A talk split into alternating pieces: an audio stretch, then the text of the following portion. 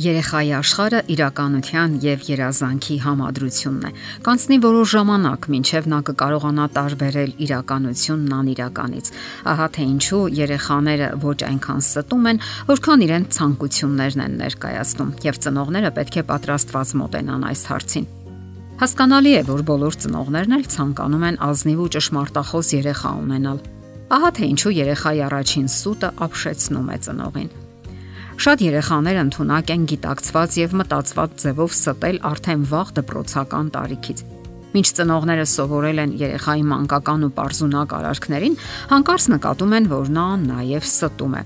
Ծնողների մեծ մասը անմիջապես սկսում է մտածել, որ երեխան փչացել է, որ իրենք ինչ որ բան են բաց թողել նրա դասյարակության մեջ։ Որոշ ծնողներ էլ արագ սկսում են պատժել երեխային Այնինչ դա միանգամայն սովորական երևույթ է, որ վկայում է երեխայի բնականon մտավոր զարգացման մասին եւ անհրաժեշտ է ճիշտ ընկալել երևույթը, հասկանալ պատճառները, որոնք մղում են նրան ստի ու խափեության եւ ճիշտ կարգավորել երեխայի հետ փոխհարաբերությունները։ Ասենք որ առանց պատճառի սուտ չի լինում բացառությամբ ախտաբանական շեղումների, որոնք մասնագիտական հոգեթերապևտիկ բուժում են պահանջում։ Մանկական սուտը կարելի է դասակարգել ըստ դրանք ծնող պատճառների։ Առաջին հերթին հարկավոր է սահմանազատել սուտը մանկական երևակայական խաղերից, այլ կերպ ասած ֆանտազիաներից։ Երեխայի ֆանտազիան բնորոշում է նրա հուզական ոլորտը, նրա ցանկությունները, որոնք նա միշտ չէ որ կարողանում է արտահայտել բառերով։ Իսկ ահա ստի համար բնորոշ են նպատակն ու դրթապաճառները, ինչը բարդ մտավոր գործընթաց է։ Մանկական հորինվածքները եւ երևակայության խաղերը լինում են ինքնաբուխ եւ առաջին հայացքից ոչ մի ձևով չհիմնավորված։ Սակայն ուրشادիր ծնողը միշտ կարող է դրանցից ինչ որ օգտակար տեղեկատվություն քաղել երեխայի եւ նրա հիմնախնդիրների մասին։ Եթե երեխան շատ է ստում կամ հորինում նախադպրոցական տարիքում, դա սարսափելի չէ, Քանի որ 4-ից 6 տարեկանում իրականությունն ու անիրականը միաձուլված են երեխայի գիտակցության մեջ եւ նա ֆանտազիայի օգնությամբ սովորում է մտովի վերարտադրել իրականության մեջ անմատչելի իրավիճակները, նաեւ հմտանում է պատկերների իրավիճակների ձևավորման ու կառուցման մեջ։ Այժմ դիտարկենք բուն ստի տարատեսակները։ Եվ այսպես՝ սուտ ինքնահաստատման համար Երեխան գունազարթում է իր ունեցած որակները, պատմում է իր հերոսական այնպիսի արարքների մասին, որոնք իրականում չի կատարել եւ ցանկալին ներկայացնում է իրականության տեղ գունազարթելով դրանք։ Դրան երբեմն դիմում են բնավորության առանձնահատկությունից ելնելով։ Դրան հակված են արտիստիկ կամ դերասանական բնույթ ունեցող երեխաները Որպես կանոն այդ ձևով երեխան պարզապես ցանկանում է ուշադրություն գրավել։ Նման արարքները բնորոշ են նաև այն երեխաներին, որոնք ցածր ինքնագնահատական ունեն եւ անվստահ են իրենց ուժերի հանդեպ։ Հաջորդը՝ սուտ վախից ելնելով։ Երեխաները հաճախ ստում են այն պատճառով, որովհետև մեծահասակները պատրաստ չեն լսելու եւ ընդունելու տհաճ ճշմարտությունը Սա բնորոշ է շատ ծնողների, երբ երեխան խոստովանում է իր որևէ արարքը, ծնողը բացասական բնորոշում է տալիս ոչ թե արարքին, այլ երեխային։ Դու ինչ վատ երեխա ես եւ վերջ։ Դրանից հետո երեխան ելնելով տարական ինքնապաշտպանությունից ձգտում է ինչ որ բան հորինել, ստել, որpիսի չստանա բացասական գնահատական եւ առաջվա պես լավը լինի ծնողների աչքին։ Իսկ երբ երեխային պատժում են ճիշտ խոստովանության համար, նա ընդհանրապես դադարում է վստահել ծնողներին։ Ծնողները պետք է սովորեն երեխայից ընդունել նաև դառը ճշմարտությունը։ Այդ ժամանակ նա չի վախենա պատժվելուց եւ ստիպված չի ստի։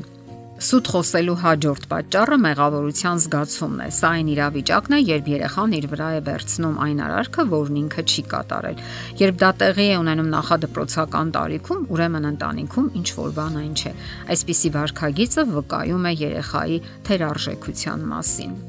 Սուտ խոսելու հաջորդ պատճառը վատ օրինակն է։ Սա ավելի པարզ դեպք է։ Երեխան այս դեպքում ընթորինակում է ծնողներին կամ հասակակիցներին, քանի որ նրանք թեթևորեն ստում են։ Սուտ հանուն փրկության։ Սա բնորոշ է խմբակային իրավիճակներին, երբ հասակակիցներով վատ արարք են կատարել, երեխան չի մատնում ընկերոջ արարքը, որpիսի նրան փրկի պատժվելուց։ Լինում է նաև այն դեպքերում, երբ ընտանիքում լարված փոխհարաբերություններ են եւ երեխան խուսանավում է մեծահասակների արանքում, որpիսի մեկի ասածը կամ արածը հայտնի չդառնա մյուսին եւ արդյունքում ստիպված ստում է։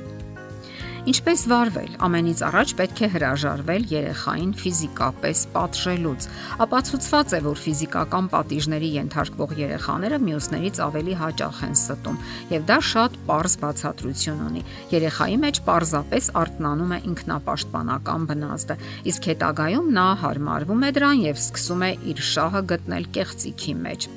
Նաև ինչ պետք է անել, որ երեխան չստի։ Դուք պետք է ինքներդ չստեք։ Ավելորդ են ցանկացած խրատներ եւ հորդորներ լավ վարքագծի մասին, երբ կենթանի օրինակը երեխայի աչքի առաջ է։ Ծնողների օրինակը լավագույն օրինակն է երեխայի համար։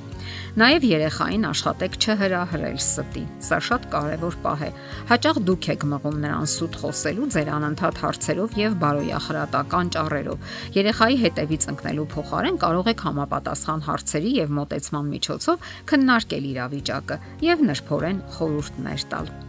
Ձեր նկատողություններն աշխատեք ձևակերպել այնպես, որ երեխան ոչ թե շղթի կատարվածը, այլ խոստովանի։ Ձեր ճափազանց սպասելիքներով եւ կարգու կանոնի նկատմամբ խստապահանջությամբ պետք չէ ծանրաբեռնել երեխային։ Միևնույնն է, այդ բոլորը նա չի հասկանա կամ էլ ի վիճակի չի լինի հետևելու դրանց։ Արդյունքում հնարավոր է, որ երեխան ստիպված լինի ստել, որpիսի չբարկացնի ձեզ։ Երեխան պետք է իմանա, որ դուք հավատում եք իրեն, իսկ ինքն էլ կարող է վստահել ձեզ։ Ոչինչ չի կարող ավելի արժեքավոր լինել լինել, քան անկեղծությունը։ Այն պետք է դառնա երեխայի հետ ձեր վարվելակերպի հիմնական սկզբունքը եւ միշտ հիշեք, որ դուք պետք է ազնվության օրինակ լինեք ձեր երեխայի համար։